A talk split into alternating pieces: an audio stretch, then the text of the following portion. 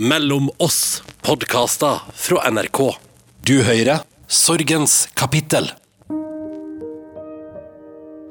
Jeg ble enke. Helt plutselig. Det var ingen forvarsel, og livet falt fullstendig i grus. Hans Christian sitt liv det stoppa, men vårt liv det fortsatte. Og helt ærlig så aner jeg bare ikke hvordan vi kom oss igjennom det her. Og når noen sier til meg 'jeg skjønner ikke hvordan du har det', så tenker jeg hver gang 'nei, takk og lov for det'. Fordi du skal ikke vite hvordan det er å miste en du elsker. Men det er som at du går en tur sammen med den kjæreste personen du har i livet ditt. Dere går og prater, og så snur du deg for å se på noe i veikanten. Og så snur du deg tilbake for å fortsette samtalen, og så er han ikke der lenger. Han er borte, du går plutselig helt alene. Og egentlig så tror jeg ikke vi er skapt for å gå alene. Jeg heter Karen Marie, og du hører på Sorgens kapittel. Og i denne podkasten så møter jeg andre mennesker som har opplevd det samme som meg, å miste en de elsker. Nå skal jeg møte Espen Rostrup Nakstad. Og Espen han har ikke vært vant til å gå alene på noe tidspunkt i livet. Fordi Espen han har vært tvilling med Anders, og de to de var ett. Om alt. Men nå er ikke Anders her mer, og Espen han må leve videre uten tvillingen sin. Den største overgangen for meg, det var jo å plutselig ikke være tvilling lenger. Altså ikke ha den personen du kan snakke med nesten hver dag. eh, Ikke ha det speilingspunktet å, å få en bekreftelse på, eller av, på ting. Så det var en veldig, veldig annen livssituasjon. Selv om man lever med sin egen familie og bor i et annet hus og ikke sant, alle disse tingene, så, så var det en veldig, veldig annen livssituasjon. Og jeg tror faktisk det tok meg nesten fem år å bli mer eller mindre vant da, til ikke å være tvilling lenger. Og jeg husker at jeg eh, ofte den sommeren etterpå, hvis jeg så liksom en sånn tvillingvogn på gata med to ettåringer, så, så husker jeg at jeg, jeg hadde ofte litt sånn lyst til å gå bort og si at eh, husk nå å passe på hverandre, dere, da. Ikke sant? Det, det husker jeg at jeg hadde lyst til å si mange ganger. Eh, Husk at Eller eh, pass på å huske på hvor heldige dere er. Det var liksom en sånn eh, ting jeg ofte tenkte når jeg så tvillinger etterpå. Og det tenker jeg fortsatt, faktisk. At de er heldigere enn de tror. Har du noen gang sagt det til noen? Nei, jeg har ikke det. Og jeg skjønte jo heller ikke selv hvor heldig jeg var. Altså, Jeg tror jo mye av, eh, mye av den hjelpen jeg har fått ved å være tvilling, på den måten at jeg hele tiden har hatt en å måle meg med og konkurrere litt med og bryne meg litt på, det er klart at jeg har jo ikke sett det på en måte, fordi det har vært helt naturlig. Jeg har alltid hatt det sånn. Eh, Sånn at eh, når du plutselig er aleine da, så, så tenker du mer over det. Man tar det jo litt for gitt. Man tar det for gitt. Selvsagt gjør man det. Nettopp. Det er, jo, det er jo akkurat det vi gjør. Vi går jo på jobb på morgenen og regner med at alle kommer hjem til middag. Og vi tar jo for gitt at alle våkner til en ny dag. Vi kan jo ikke gå rundt hele tida og tro at når kvelden kommer, så er vi en mindre i familien. Det er jo ikke til å holde ut. Men det er bare å innse det, at døden, det er en del av livet. Og noen opplever det tidlig, andre opplever det seint. Og i mitt tilfelle så kom den til oss så altfor tidlig. Da jeg sto der med begge beina midt oppi sorgen, og jeg ikke på noen som helst måte klarte å få oversikt over hvordan livet ville bli uten mannen min, og uten pappaen til ungene våre, så fikk jeg vite at det egentlig kun var tida som kunne hjelpe meg. Og der og da så skjønte jeg absolutt ikke hva det innebar. Fordi en dag, det føltes som en måned. Og jeg tuller ikke engang. Fordi det var så usigelig tungt å komme seg gjennom dagene. Men nå er det over sju år siden Espen mista Anders. Og likevel så kjenner han det fortsatt. Nei, jeg kjenner jo Jeg tenker selvsagt fortsatt på dette hver dag. Jeg tenker ofte på det på kvelden, merker jeg. Eh, Så eh, Men det er i helt ulike typer sammenhenger. Og det er noen ganger jeg tenker at nå hadde det vært morsomt å gjort dette her sammen med Anders. Det kan være alt fra hvis du skal gjøre noe morsomt på sjøen på sommeren, eller altså et eller annet fjelltur, eller en klatretur, så tenker jeg det har vært morsomt å gjøre dette med Anders nå. Eh, og ikke bare aleine. Det, det, har jeg tenkt. Og mange ganger når jeg er på skiturer, eh, særlig liksom litt sånn fantastisk fint skiføre eller fin sol eller et eller annet, så tenker jeg at eh, det har vært morsomt å, og delt det med Anders, da. Det tenker jeg av og til.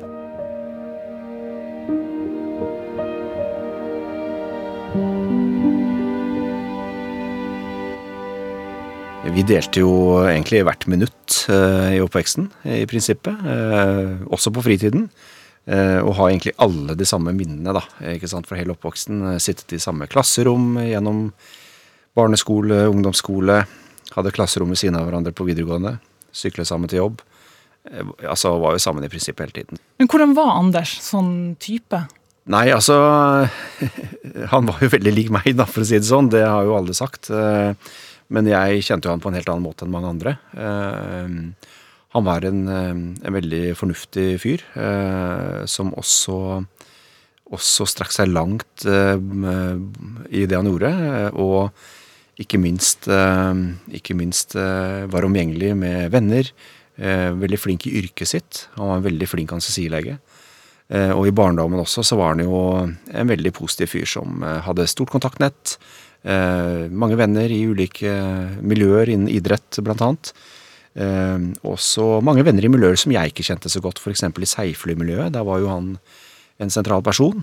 Så For dere eh, var jo tvillinger, og var jo, dere var jo enegga tvillinger, så dere så jo også klin like ut for den som ikke kjente dere så godt. Mm. Uh, dere hadde jo, som du sier, samme interesser, samme venner, like ambisjoner.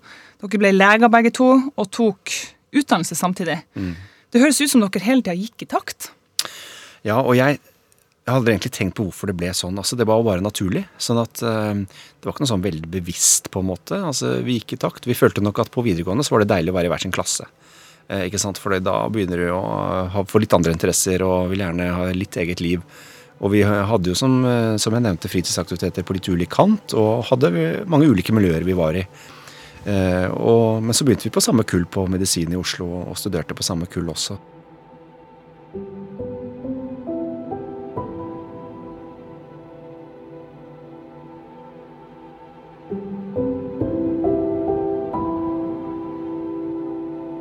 det ble liksom bare til at vi eh, gjorde mye av det samme, da. Og det er kanskje ikke så rart, for vi hadde den samme bakgrunnen og samme referansene og tenkte jo veldig likt. Og det er kanskje det som er det som er mest spesielt kanskje med å være enegget tvilling, som kanskje bare de som er det, forstår, det er at, eh, at, du har en person som ikke bare ser ut som deg og har opplevd det samme som deg, men som faktisk tenker ganske likt som deg, eh, og ser verden med de samme brillene. og og har egentlig det samme kroppsspråk og veldig mye. Så eh, noen ganger så tenker jeg at jeg kjente kanskje han nesten bedre enn han kjente seg selv, og motsatt, faktisk. Eh, fordi man observerer jo Man står ikke og ser på seg selv i speilet og studerer seg selv så veldig normalt.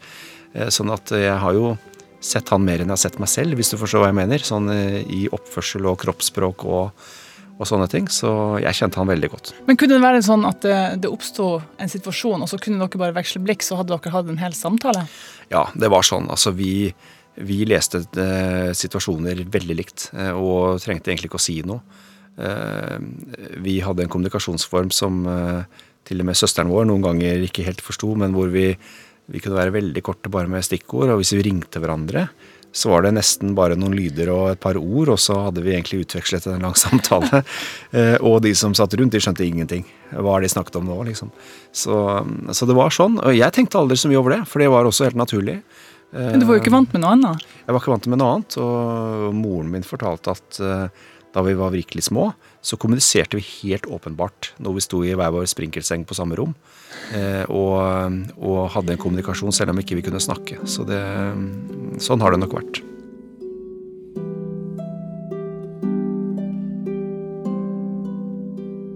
Men eh, du, den likheten mellom dere den er jo veldig slående, både utseendemessig og Utseendemessig er det jo én ting, men uh, samtidig så har du tidligere sagt at Anders han kunne jo egentlig ha gjort den jobben du gjør i dag. Hva mener du med det? Jo, altså han var jo veldig flink til å vurdere eh, kriser og håndtere kriser uh, ute i den virkelige verden. Uh, jeg har også hatt det som en del av min jobb uh, i noen år. men på et litt annet fagområde. Sånn at han kunne jo åpenbart gjort mye av de samme tingene. Og han jobbet også faktisk på prosjektbasis i Helsedirektoratet. Skrev nye nasjonale retningslinjer for masseskadehåndtering bl.a. Den type ting. Så han var veldig inne i disse temaene. Så en eller annen grunn så nærmet vi oss sånn faglig sett disse temaene ettersom vi jobbet i yrkeslivet som voksne. Og jeg husker at, eh, at eh, i januar 2014 så sendte jeg en e-post eh, til vårt første møte. Som skulle bli vårt første møte hvor vi faktisk i faglig sammenheng satt og diskuterte beredskapsting eh, sammen. Eh, fordi at eh, det berørte hverandre det vi drev med så mye at vi måtte faktisk nå ha et møte også med andre til stede. Hvor vi diskuterte det samme. Så det, Eh, det var litt sånn tilfeldig at det ble sånn, men eh, jeg tror helt åpenbart at han ville tenkt likt og gjort akkurat det samme som jeg gjør i den situasjonen.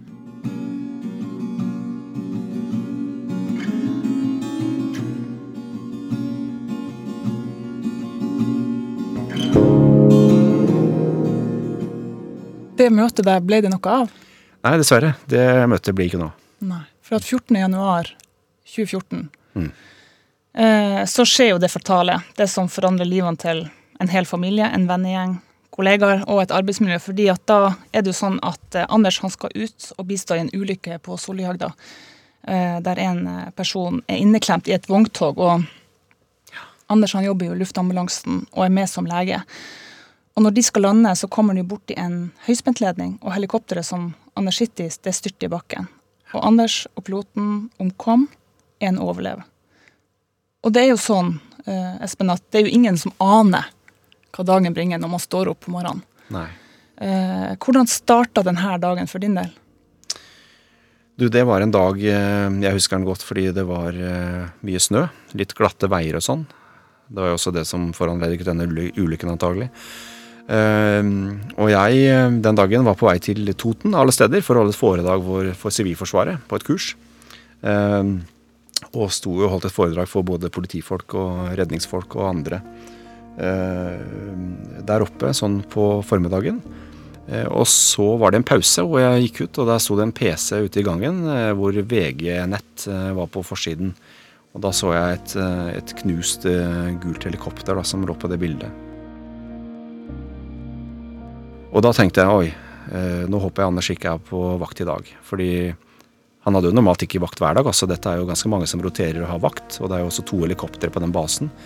Sånn at sannsynligheten sånn statistisk sett for at han skulle være i det helikopteret, er jo egentlig ikke veldig stor. Og det var det eh, første som slo deg? Det var det første som slo meg. At nå må jeg ringe Anders.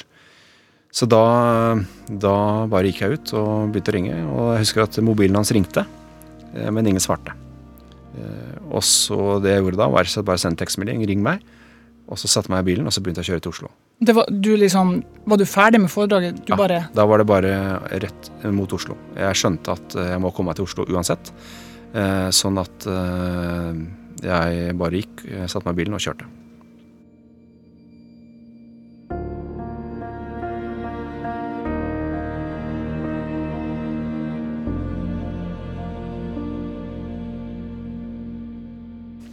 Da hørte jeg på nyhetene om hva som hadde skjedd.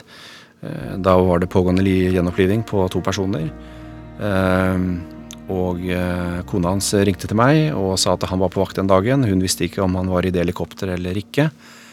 Og ut fra veldig mange telefoner og det jeg hørte på radio, så skjønte jeg etter hvert at det var mer og mer sannsynlig at han var på helikopteret, og at han var en av de som var mest kritisk skadet. Og så har jeg en onkel som jobber på Ullevål sykehus, og som er akuttmottaket, og som da selvsagt visste hvem som kom inn, eh, som var da hardt skadet, men, eh, men i live. Sånn at når han ringte meg, da fikk jeg den endelige bekreftelsen som jeg egentlig hadde, hadde forstått i noen minutter allerede. Da. da var jeg på en liten, smal, snølagt vei på vestsiden av Mjøsa, mellom Toten og Minnesund. Hva gjør man da? Nei, da Det er klart, det er jo et sjokk, men altså Det var egentlig bare å fortsette å kjøre mot Oslo og ringe hjem til moren min som er hjemme, og, og planlegge hvordan vi skulle gjøre ting eh, med å fortelle til, det til folk som trengte å vite det. Eh, jeg husker faren min var eh, på et foredrag, så han visste ikke noe om dette her. Han hadde skrudd av mobilen. Og, og det da å planlegge hvordan jeg skulle nå fram og få fortalt det til han f.eks. Det, var, det var egentlig det det gikk i på den bilturen. Så, og masse telefoner med, med kona hans selvsagt, som, og alle andre. Så det, det var en spesiell biltur. Det var det.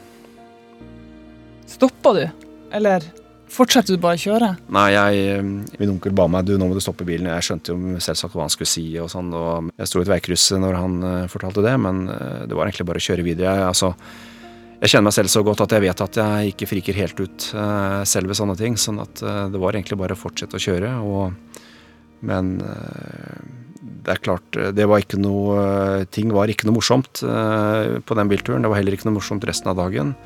Eh, og det var ikke noe morsomt den påfølgende natten heller. Eh, da skal jeg innrømme det er første gang i livet at jeg ikke har sovet når jeg har lagt meg for å sove. Eh, så det var en spesiell tid. Det var det. Jeg fikk vite ganske nøyaktig klokka ni på kvelden at han, Hans Christian var død. Og det var jo Jeg fikk bare beskjed om at jeg måtte sette meg ned. Og jeg fikk ikke tid til å sette meg ned for at jeg fikk beskjeden. Så det som skjer med meg, det er jo at jeg rett og slett bare kollapser uh, ute på verandaen hos mamma. Mm. Uh, jeg følte liksom at beina svikta fullstendig under meg. Og jeg husker jo så godt at ungene var hos naboene, for der hadde de vært hele kvelden. Uh, fordi at de hadde vært der før jeg fikk telefon om at han var savna. Mm. Og jeg tenkte sånn, nå må bare de ungene være der nede. Mm. for at jeg må, jeg må ja. få tid til å samle meg. Mm. Og så måtte jo jeg ta meg sammen, gå ned, hente dem late som at ingenting hadde skjedd, ta dem opp og få dem på et sted der ingen andre var. Ja. Eh, sånn at jeg kunne fortelle dem at pappaen deres var død, eh, uten at andre så på. Mm. Og den følelsen jeg hadde, det var det at uh, Jeg følte at vi var altså, i det rommet der, jeg følte at det plutselig var vi i en båt, og det var full storm på åpent hav. For jeg mm. føler hele rommet det bare gynga uh, det jeg fortalte dem. Og, og, og, bare se de ta imot den beskjeden, det ansiktsuttrykket, det kommer jeg jo aldri til å glemme. Mm. Men du måtte jo ta og sette deg i denne bilen uh, og fortsette turen til Oslo og hente pappaen din og fortelle han at sønnen hans var død. Ja, nei, det Det var egentlig minst like ille som å få dette budskapet, på en måte. Det, altså Eh, og mm, man føler det faktisk sånn. Altså det å fortelle folk som blir like lei seg, eh, sånne ting, det er altså like tungt nesten som å få beskjeden selv, følte jeg. Eh, og mm, nå var ikke jeg med og fortalte det til barna til Anders, men det var jo kona mi. Og det er klart, det var en veldig lik situasjon som det du beskriver. Veldig, veldig tøft. Men jeg var jo med å fortelle mine egne barn dette her, selvsagt. Så så det er eh, veldig tungt. Eh, og så, når alle for så vidt vet det, så er det jo lettere. Da, da er i hvert fall man ferdig med den fasen. Og så kommer det jo mange faser, som du vet. Eh, var det mange beskjeder du skulle gi om akkurat at Anders var død?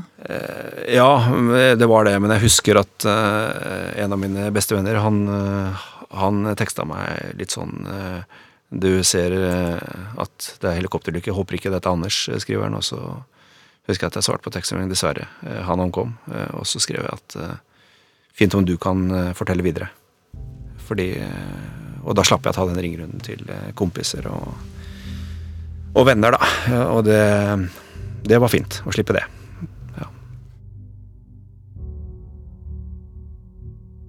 Og den derre der gufne følelsen når du får en sånn beskjed, det husker jeg har tenkt på mange ganger etterpå. Den håper jeg at jeg slipper å få igjen. Det tenker jeg. Jeg håper altså Én ting er når eldre mennesker i slekt og familie dør og sånn. Det, det, er belastende nok for veldig mange. Men den der å få en sånn beskjed om eh, en ung person som du har en veldig nær relasjon til, det er faktisk en følelse jeg håper jeg ikke får igjen i livet. I og med at du er lege, du har et sånn arbeidsliv bak deg som tilsier at krise, det er noe du har stått i på jobben til vanlig. Men når det skjer en personlig krise, hvordan er det da? Jeg tror alle vil si at det er veldig stor forskjell på å være pårørende eller å ha sånne ting som jobb. Og det er klart at eh, når du jobber på et sykehus, du jobber med veldig syke mennesker, du har sett mange mennesker dø, du har eh, trøsta mange pårørende som er lei seg, altså du, men du har en profesjonalitet og du vet at når du går hjem fra jobb den dagen, så kan du faktisk koble det ut, og du kan tenke på andre ting, og det følger deg ikke videre eh, i veldig stor grad, selv om du selvsagt eh, tenker på det. Eh, så det er helt annerledes. sånn at det er, det er en enorm forskjell på å være nær pårørende eh, være en profesjonell aktør eller en perifer aktør når noe sånt skjer. Det er klart det er stor forskjell. Så du klarer ikke å hente inn noe av det du har lært i, i, både på studier og jobben? Nei, altså øh, Henter inn på den måten at jeg er fortsatt øh, flink til å koble ut ting og sånn. Og det er klart, jeg har jo mine strategier for hvordan jeg hvordan jeg kommer meg gjennom øh, ting i jobbsammenheng som er krevende. Og så det er klart jeg muligens har brukt mye av det, men, men, det er noe helt annet når det rammer selv. Og de fleste merker jo at det da betyr egentlig altså jobb og karriere og alt mulig som betyr egentlig ingenting. Det er vel egentlig den erkjennelsen alle som opplever motgang i livet har. At uh, det som virkelig betyr noe, det er familien og vennene. Uh, det betyr så utrolig mye mer enn alt annet. Og, og det får man en påminnelse på når noe sånt skjer. Vi har alle våre måter å håndtere den krisen som inntreffer i livene våre. Og vi vet ikke hva vi er utrusta med før vi står der. Hvordan takler vi sjokket, den lidelsen og ikke minst den sorgen som kommer etterpå. Og noen av oss får behov for å holde på rutinene, komme i gang med livet så fort som mulig. Andre de legger seg ned eller prøver etter beste evne å bare flykte ifra det som har skjedd. Jeg var på en måte midt imellom alt det her. Og i det kaoset vi befant oss i, så tenkte jeg at her må jeg bare holde meg oppe på grunn av ungene. Jeg må for guds skyld ikke svikte nå, fordi da har de ingen. Og alt som tyder på at jeg ikke var sterk, gjorde dem redd. Ungene og hjemmet vårt ble mitt viktigste. Alt andre fikk bare seile sin egen sjø. Og det handla hele tida om å ta de valgene som gjorde at livet ble så godt som mulig, og at vi klarte å møte dagen hver dag. Espen ble, ikke akkurat overraskende, veldig operativ. Jeg husker at uh, det var uh, en spesiell tid. Jeg var faktisk ikke noe sykemeldt eller noe sånt. Altså, jeg gikk egentlig på jobb ganske fort igjen. Jeg hadde jo en helt annen arbeidshverdag. Jeg fikk jo folk til å ta litt over oppgaver og sånn, sånn at jeg hadde litt kortere dager. Men men jeg hadde også mange møter med folk i den tida. Det var, det var mange som kjente han, som hadde behov for å prate med meg. Eh, av folk som hadde jobbet tett på han. Det var også faktisk ganske mange som ikke visste at vi var tvillinger. Eh, sånn at eh, jeg opplevde jo å skremme livet av noen folk noen ganger. Fordi de plutselig så liksom Anders kom gående. Og det er klart det Men det gjorde vi, det takla vi på den måten at vi, altså, da skjønner jo begge parter at hvorfor det skjer. Og så ja, For de visste ikke at han var for eksempel, Nei, tvilling. tvilling. Nei, så, så Men da var det å stoppe og prate. Ja om det. Og så endte det ofte opp med en eh, litt sånn hyggelig historie om Anders. Og så hadde vi blitt litt kjent, eh, vi som ikke kjente hverandre også. da. Men skjønte du det umiddelbart når du så ansiktsuttrykket? Ja, ja, jeg skjønte det når jeg møtte folk. ja altså. Men jeg tror nok det ryktet spredte seg i, i, i mange miljøer i, i, norsk helsetjeneste. Eh, fordi det er et lite land, og, og sånn at etter hvert så skjønte mange det og var klar over det. Så det, så det var en fase med mye av det. Og så, og så var det jo klart Det er mye ting med, med, hans familie, ikke sant, og ting som skjer, og hans barn, eh, som man føler at man skal følge opp. Og så er det også sånn at eh, etter hvert som tiden går, så så kommer det en hverdag. Eh, men jeg husker jeg hadde veldig nytte av altså, Det var to samtaler jeg hadde eh, sånn eh, i dagene etterpå, husker jeg. Det ene var med en eh, Det var to tidligere kollegaer, en ung og en gammel. Og den unge sa, hun sa at hun hadde opplevd noe lignende selv, og sa at eh, bare husk på det, at det blir faktisk bedre. Eh, og akkurat der og da så tenkte jeg at ja, det blir det, det. Men eh, det viste seg jo å stemme. Og den eldre kollegaen, som jeg også kjente godt, og som var egentlig blitt pensjonist, han sa liksom at ja, han hadde nettopp mista kona si, og sa at, at etter hvert så blir sorgen borte, men savnet vil alltid være der. Og det er liksom forskjell på sorg og savn, selv om det er en overgang der også, selvsagt. så og det var på en måte ting jeg tok med meg. Eh, det husker jeg. Og det er vel eh, ting som har vist seg å stemme også for så vidt, da.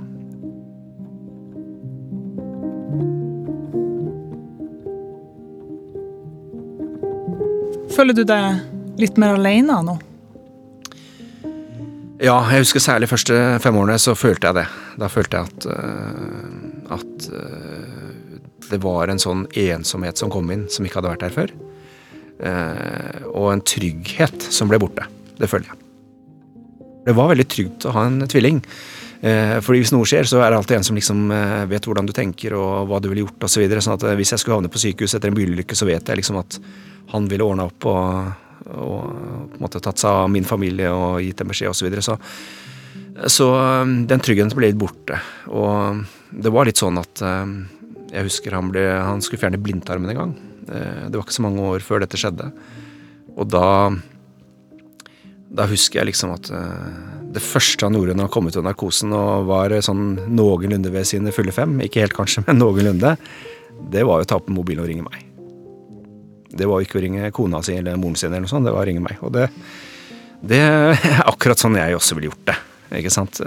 Så, så, og, så det viser jo bare at at den tryggheten i å ha en som kjenner deg, kjenner situasjonen, eh, tenker likt, eh, har også mye av den samme rollen i familien, ikke sant, i, i slekta.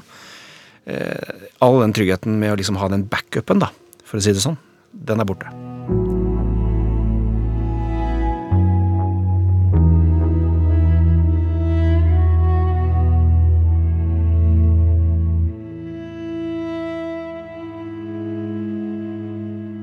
Men dere hadde jo også samme vennegjeng. Der du var, der var jo alltid Anders. Mm. hvordan har det vært de her årene mm. der dere har vært samla og Anders ikke er der? Ja, Det har vært litt annerledes. Eh, eh, det var nok sånn den første måneden og året at det var nok litt rart for vennene våre. Jeg tror det. Ikke sant? Det var mange som hadde 40-årslag etter hvert og sånn. og ja, du kommer på fest, og alle er vant til at vi kommer begge to. Eh, og så plutselig kommer bare én. Og så er det klart at vi var såpass like at jeg er ikke helt sikker på om alle vennene våre alltid så forskjell også til vanlig. Eh, sånn at de har nok ofte sett på oss som litt den samme personen lite grann, hvis du skjønner hva jeg mener. Eh, selv om vi har kjent hverandre i ulike miljøer, og, og de har vært veldig klar over forskjellen, og når man prater sammen, veldig klar over det, så har de nok på en måte reflektert over oss og forholdt seg til oss litt som én person, selv om vi var to, da. Lite grann. Eh, og det syns jeg jeg merket lite grann. Det, det, ble litt rart noen ganger. Eller jeg merket på vennene mine særlig den første tiden at uh, det var litt spesielt å møtes. Men uh, ja, det var også en fase. Ja. Mm. Det er så mange faser man skal forholde seg til. Ja. Det. Mm. For du har jo liksom ikke Det er jo ikke bare en bror du har mista, men du har jo mista en del av din personlighet også. Ja, øh, mye av historien, øh, føler jeg, og mye av øh, Ja, i hvert fall mye av referanserammene, da, eller rundt meg, har jeg mista. og så klart så trøster jeg meg litt med det noen ganger, at jeg tenker at ja, hva ville Anders gjort nå? Jo, han ville gjort akkurat det jeg ville gjort, så da føler jeg trygghet til det. Og så kan du si at det det sånn sett gir en trygghet, da, eh, på en måte. At eh, jeg vet jo nøyaktig hva han ville gjort og tenkt i alle situasjoner fortsatt i dag. Eh, sånn at det gir ubevisst en trygghet, selv om du ikke får det bekrefta, da, kan du si. Det er jo sånn at um, Anders er ikke her mer. Han ble jo bare 38 år. Han får jo aldri fulgt opp barna sine, og han får ikke utretta de store tingene han skulle gjøre innenfor forskning og for, innenfor helsearbeid. Og uh, han får jo heller ikke redda andre sine liv. Mm. Uh, og halve deg er jo egentlig borte for alltid. Hvordan lever du videre med den heftige bagasjen du har fått i fanget? Altså De som sier at det alltid aldri så vondt er råd for noe. Det er klart det ordtaket gjelder ikke for denne type situasjoner. Det er absolutt ingen positive ting med det. Men man må da likevel innstille seg på å leve på en litt annen måte, da. Det er liksom to ting jeg har tenkt litt på da, i den jobben jeg gjør nå. Det er klart, eh, det ene er den tryggheten jeg var inne på, det med å vite liksom at han ville gjort det samme. Eh, på en måte, Men det er klart, eh, det at jeg har nevnt navnet hans, da, både til deg nå og i et par sånne intervjusammenhenger med aviser, det er jo litt for å gi litt, litt oppmerksomhet til, til den han var, da. Som jeg føler er egentlig helt uh, legitimt å gjøre. Og fordi det var veldig mange i Norge som kjente han. Han var i veldig mange miljøer. I medisinske miljøer i Norge så var han godt kjent. Sånn at uh, jeg følte at det var riktig å si noe om det uh, i ulike sammenhenger, og, og, derfor så har jeg gjort det. Mm. Og jeg husker en annen ting jeg tenkte på. Det var jo selvsagt i, i begravelsen hans, da, som jo var en tøff dag. Så Så husker jeg at jeg tenkte at etter at jeg hadde holdt en tale til han, da, så husker jeg at jeg tenkte at vet du hva, noe verre tale enn dette her å holde. altså noe, noe, mer å grue seg til enn det her, det kommer jeg aldri til å oppleve. Sånn at det er ikke noe vits å grue seg til. Og, og det, det har kanskje bidratt til at når jeg snakker med media nå, sånn, så er jeg aldri nervøs i det hele tatt. Jeg, det har også med mengdetrening å gjøre. Når du har hatt mye foredrag og gjort mye andre ting. Men det er klart at sammenlignet med den situasjonen den uka, og den begravelsen med 800-900 stykker i kirken og og, og, ja, veldig spesiell dag å se tvillingbroren sin uh, havne i jorda. Det er klart, uh, jeg vet at den type tale på den måten som det ble for meg den dagen, det kan ikke sammenlignes med andre ting. Sånn at sånn sett så er jeg også kanskje av den grunn aldri egentlig noe nervøs eller engstelig for så veldig mye annet, egentlig. Mm. jeg tenkte også på det da da jeg holdt tale i begravelsen til Hans Kristen, at jeg trodde liksom at det skulle være siste gang jeg skulle snakke om han i offentlighet. Og da syns jeg det var veldig viktig å holde den talen. Mm. Men så har man jo fått det privilegiet å få lov til å kunne snakke om dem mm. i offentlighet i flere sammenhenger. Og, mm. og, da tenker jeg sånn, vet du hva, da sparer man altså ikke på det. For at mm. Jeg ønsker jo å snakke masse om han mm. uh, i enhver sammenheng, uh, og da har man jo muligheten. Mm. Det, det, er, det, er, helt riktig. Jeg husker også jeg tenkte på det at denne talen er veldig viktig. tenkte Jeg Jeg brukte mye tid på å skrive den og tenkte at nå hvert ord er viktig. Alle som sitter der, liksom, dette legges inn, dette er det som vil henge igjen. tenkte jeg sånn at det er viktig at det, Og det ble sitert i aviser og sånn mye av det også den gangen. For det var mye oppmerksomhet rundt dette, denne ulykken og sånn. Eh, men etterpå så skjønte jeg at nei, det er ikke slutt. Eh, og, og, noen naboer av foreldrene mine som hadde mistet sønnen sin for mange år siden, de sa liksom ganske fort at de eh, må fortsette å snakke om han. Må liksom ikke slutte å snakke om han. Det er viktig. Så Og det har jeg gjort sånn ubevisst. og det er Kanskje noen syns det er litt rart, men altså når man sitter enten i familiesammenheng eller med venner også, diskuterer om en nyttårsfest i 2000 eller et eller annet, så, så er det helt naturlig å nevne en historie hvor han er med. Eh, og, og for meg er det naturlig. Og, og, jeg snakker om han eh, av og til når det faller naturlig. Eh, og, og, det tror jeg folk rundt meg har blitt vant til at det er helt greit. Fordi mange er veldig redd for det. da, ikke sant? Mange er veldig redd for å liksom komme inn på det temaet. Eller i det hele tatt nevne Anders, liksom. Det er litt sånn, det skal man kanskje helst ikke gjøre. Men når de ser at jeg kan gjøre det i en eller annen sammenheng, jeg kan til og med slå en vits noen ganger, noe morsomt han har gjort, så, eh, så føler folk at det er greit. Og, og jeg tror det er sunt, ja, at vi har det sånn. Jeg tror det er også ikke minst bra for barna hans og andre, mine barn og andre som, eh, som jo skal eh, forholde seg til dette resten av livet. Men hvordan er det å være Du er jo pårørende i den forstand at du er tvillingbroren til Anders, men, men Anders hadde jo to barn. Mm. Hvordan er det å være onkel da, eh, og se at ja, de må leve videre uten pappaen i livet sitt? Mm. Det er klart det er eh, også noe av det som er tungt, særlig det første året. Altså Det er klart det bekymret meg mye, det. Eh, det alle vet at å miste en av foreldrene sine er, er, påvirker barn, og, og, skulle veldig gjerne vært det foruten. Eh, og så har jeg etter hvert innsett at det er klart jeg vil være en viktig person for dem. Og i tillegg til veldig mange andre, selvsagt. Eh, men kanskje i visse sammenhenger litt spesielt viktig fordi eh, jeg var så lik faren deres, ikke sant. Og genetisk sett så kan man fleipe med å si at man til ening av tvillinger er vanskelig å, å liksom skille da liksom det genetiske. Fordi barna hans ligner jo veldig på mine barn, f.eks. Veldig. Eh, og jeg har liksom litt sånn samme typen barn, da, på en måte. Og, sånn at jeg er veldig bevisst på at jeg skal være til stede for dem. Eh, og, og tenker mye på dem. Og engasjere meg på den måten jeg kan engasjere meg som onkel. Men, men jeg er en vanlig onkel, eh, og, og det tenker jeg fortsetter å være for dem også.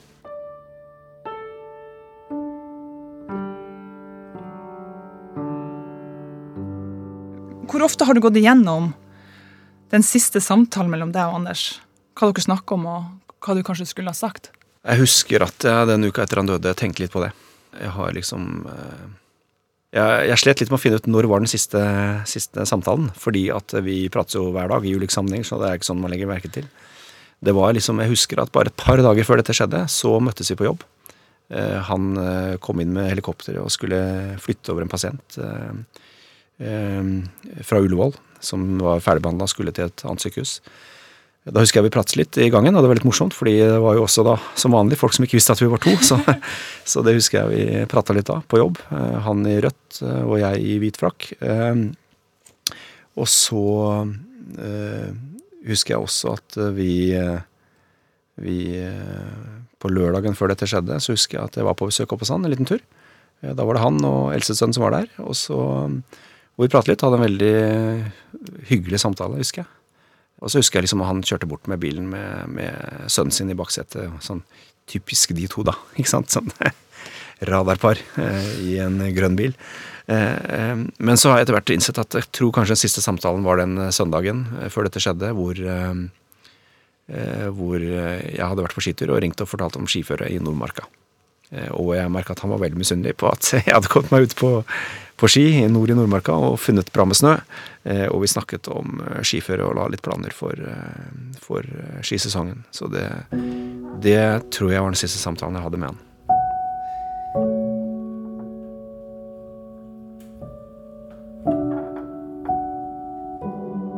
Hva tenker du om at, at livet til Anders plutselig bare på tre sekunder var over? Fra at han var på vei ut for å redde, andre, til å dø sjøl. Nei, jeg, jeg tenkte selvsagt litt på det også innledningsvis, og, og um, jeg har jo tenkt på hvordan det er. Og jeg vet jo også hvordan eh, jeg selv ville kanskje reagert igjen.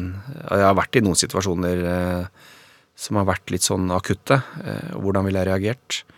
Og hva ble sagt i de tre sekundene mens helikopteret styrta mot bakken? Og jeg har nok fått både bekrefta eh, utenfra og ut fra hva jeg kjenner på, at eh, jeg er ganske sikker på at han holdt hodet klart. Eh, ting gikk fort. Eh, du rekker ikke å tenke på så veldig mye på tre sekunder, faktisk. Eh, men eh, det er klart at det er en forferdelig følelse. Å sitte og skjønne hva som har skjedd, og så dette mot bakken. Og vite at nå kan det gå skikkelig dårlig. Det er klart det er, eh, det er en veldig guffen følelse. Du får eh, ingen anledning til å håper si, verken eh, ta farvel med noen eller gjøre noen ting. ikke sant? Det bare skjer. Og det er eh, Det er også belastende å tenke på det. Det er det jo.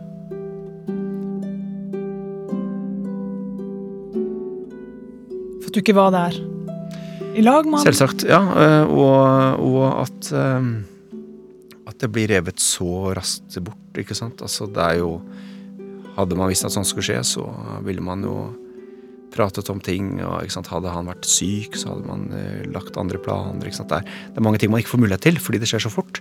Eh, Så det bare er eh, tre sekunder, og så er alt over. Og det er klart, det er uh, Det er sånn det var, å få ikke gjort noe med det, men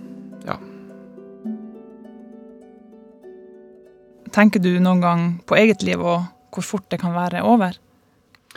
Jeg tror alle får seg en støkk når man opplever sånne ting, og tenker at, eh, at eh, vi har tiden her og nå, og vi vet aldri hva som skjer. Og man får gjøre seg sine refleksjoner, selvsagt, på sånne ting. Eh, Det gjør man. Og så, så husker jeg at jeg i tiden etterpå så tenkte liksom at eh, mange var liksom sånn Syns så synd på meg da, og mange andre, liksom. Men jeg husker, det høres, litt, det høres litt rart ut kanskje, men jeg syns egentlig mest synd på Anders. Så Som måtte forlate alt det her. Ja. Jeg, må si at det er eh, Det er liksom eh, det jeg tenker, da. Så han, det var eh, Dette var verst for han, ikke for de rundt. Tross alt.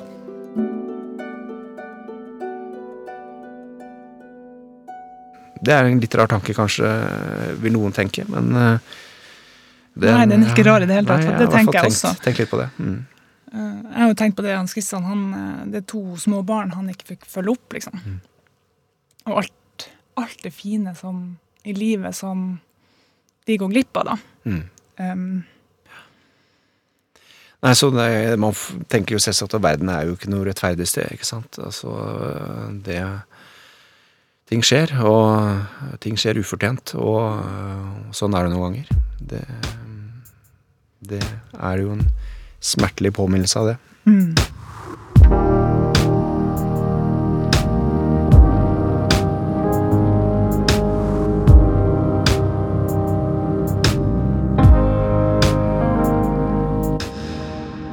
Men det å miste en bror så brått som det du har opplevd, eh, har det gjort noe med deg og ditt syn på det livet, og hvordan du skal leve livet ditt nå? Ja, det har nok det. Jeg var nok egentlig ganske reflektert før dette skjedde også, sånn at, eh, at eh, jeg har vært ganske bevisst på hva jeg ønsker å bruke tida mi på, for så vidt. Um, Så, men det er en påminnelse på det, selvsagt. Eh, Og man blir mer bevisst på hva som virkelig er viktig i livet.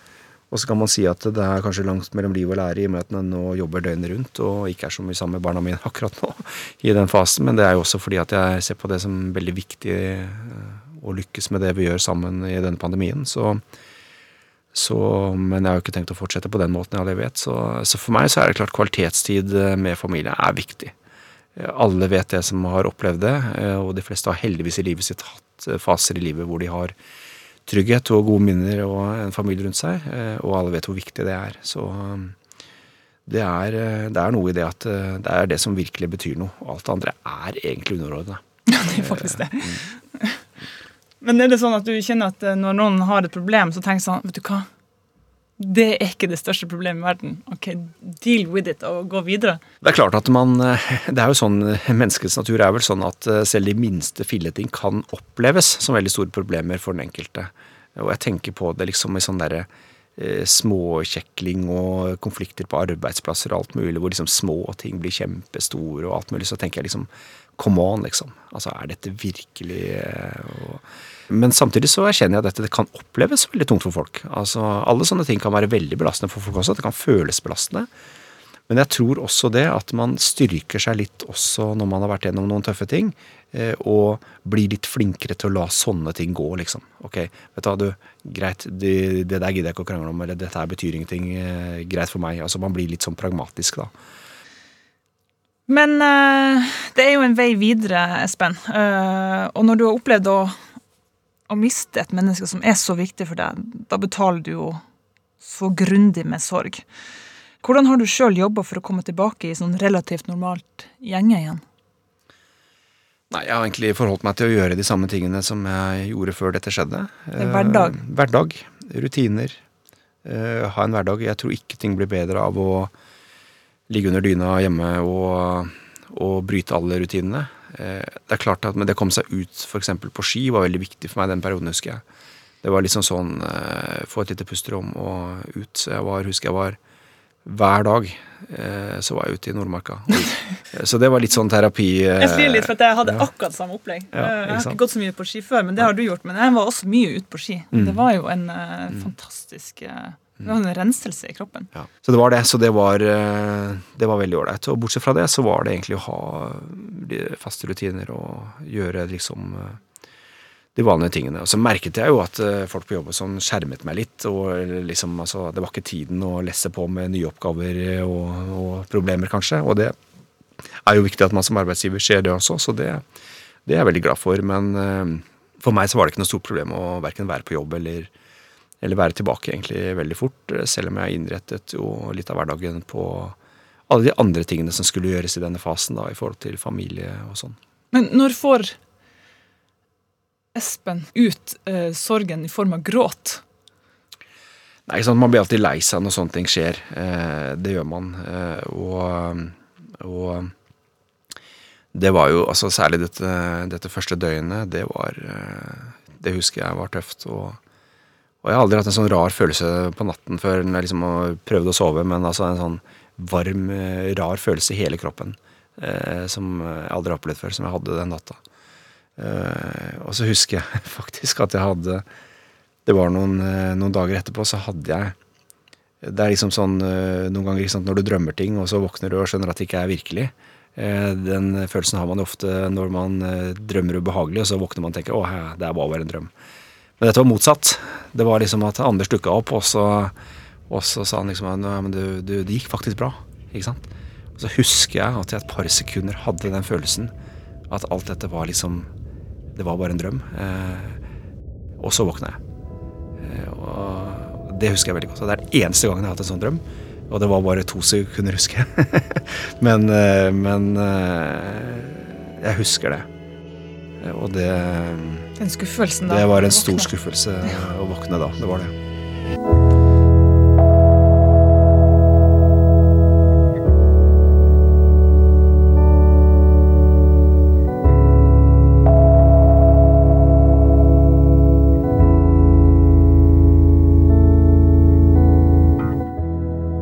Nå er jeg litt usikker på om jeg egentlig henvender meg til deg som lege, eller som en privatperson, egentlig. Men eh, det å være åpen om sorgen, og dele den sånn som vi gjør akkurat nå, hvilken verdi har det?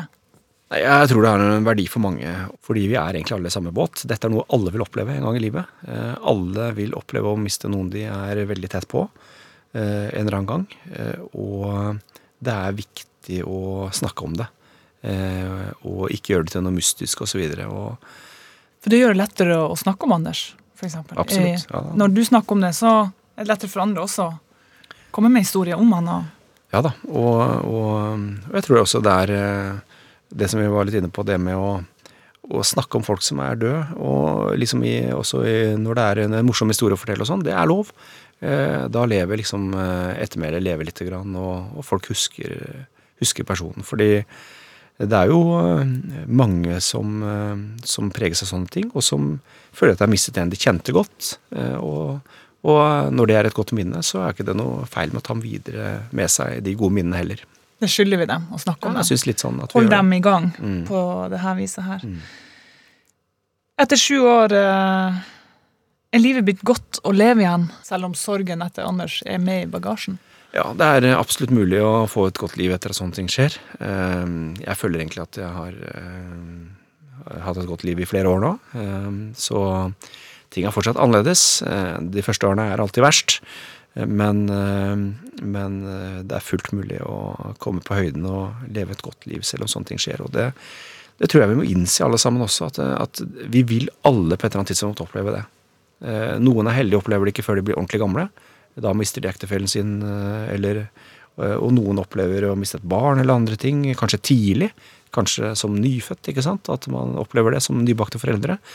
Så det er noe alle vil være igjennom på et eller annet tidspunkt. eh, Og det å innse det, at det, at det er en del av livet å oppleve sånne ting, selv om det er veldig fælt når det skjer, og selv om det får store konsekvenser, det gjør kanskje det også litt lettere da å liksom å innse at livet faktisk går videre. Og jeg tror det er lurt å tenke positivt og fokusere på det som er bra etter en sånn ting også, eh, og komme seg videre på den måten.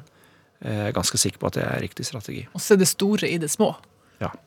Hverdagsliv. Mm. Helt fantastisk når man opplever sånne ting. Ja, det gjør man, og det, det er sånn som man i en hektisk hverdag Det er ting som ikke man tenker på i det hele tatt, men som gir stor verdi når du er i en sorgprosess og, og har det tungt. Det er klart, da du får andre gleder og, og nyter også livet og de positive tidene på en helt annen måte. Og det å klare å gjøre det også når den hektiske hverdagen kommer etter hvert, og dette blir mer og mer fjernt, det har vi kanskje noe å lære alle sammen. Faktisk å glede oss over de små tingene. Hvilke små ting er det du gleder deg over da, i hverdagen nå? Espen? Du, jeg gleder meg over veldig små ting, og det, det er sånne ting som å være ute, se på en eh, fin, fin solnedgang over fjellene etter en veldig fin skitur i påsken. Så mange sånne små ting. eh, Det får jeg veldig mye glede av. Eh, Og, og opplevelser er klart med venner, altså virkelig gode, hyggelige opplevelser hvor man sitter sammen og har en hyggelig samtale eller middagsselskap med venner. Altså, sånne ting er av veldig stor verdi. Eh, og, og man setter mer og mer pris på det også, tror jeg, når man blir litt eldre. Eh, den type ting som egentlig før kanskje bare raser forbi i stor fart. Det er viktig å sette pris på. Espen, tusen takk for at du kom hit og snakket om Anders. Det har vært veldig, veldig fint å høre. Ja, takk for praten.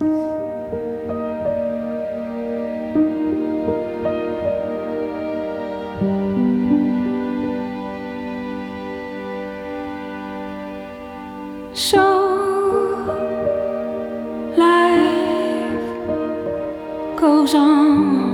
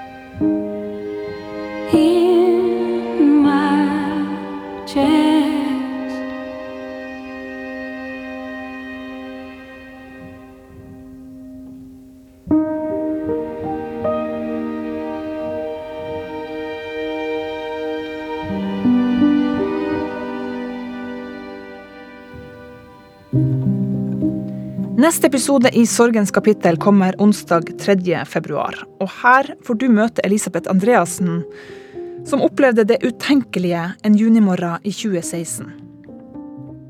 Ja, vi gikk og la oss, og så våkna jeg med et skikkelig brak om morgenen. Og da trodde jeg liksom at et skap hadde falt ned i stua, så jeg går og titter og, og ser ingenting. Og, men så snur jeg meg, og så ser jeg hva som har skjedd. da. Og da bare startet marerittet, kaoset. Denne dagen dør Thor ifra Elisabeth og barna, og de må leve videre uten han. Hør Sorgens kapittel med Elisabeth Andreassen i radioappen NRK Radio. Du har hørt en podkast fra NRK. Hør flere podkaster og din favorittkanal i appen NRK Radio. Hvordan forklarer en mann at han har slått kona si i alle år? Og hvordan forklarer den samme kona at hun har blitt i det ekteskapet i like mange år? Dette skal vi dykke ned i neste uke her i Mellom oss. Jeg heter Anne Dorte Lunås og har laget dokumentarserien En helt vanlig familie. For det var det de så ut som. En helt vanlig familie som bodde i det fineste strøket i det fineste huset. Ingvild vokste opp her, og dette er hennes fortelling. Vi får bli med når hun for første gang, som voksen, konfronterer foreldrene sine med hvordan det var å vokse opp i et voldelig hjem. Hør En helt vanlig familie her i Mellom oss 9. desember. Du har hørt en podkast fra NRK. Du kan nå høre alle episodene i denne serien i appen NRK Radio.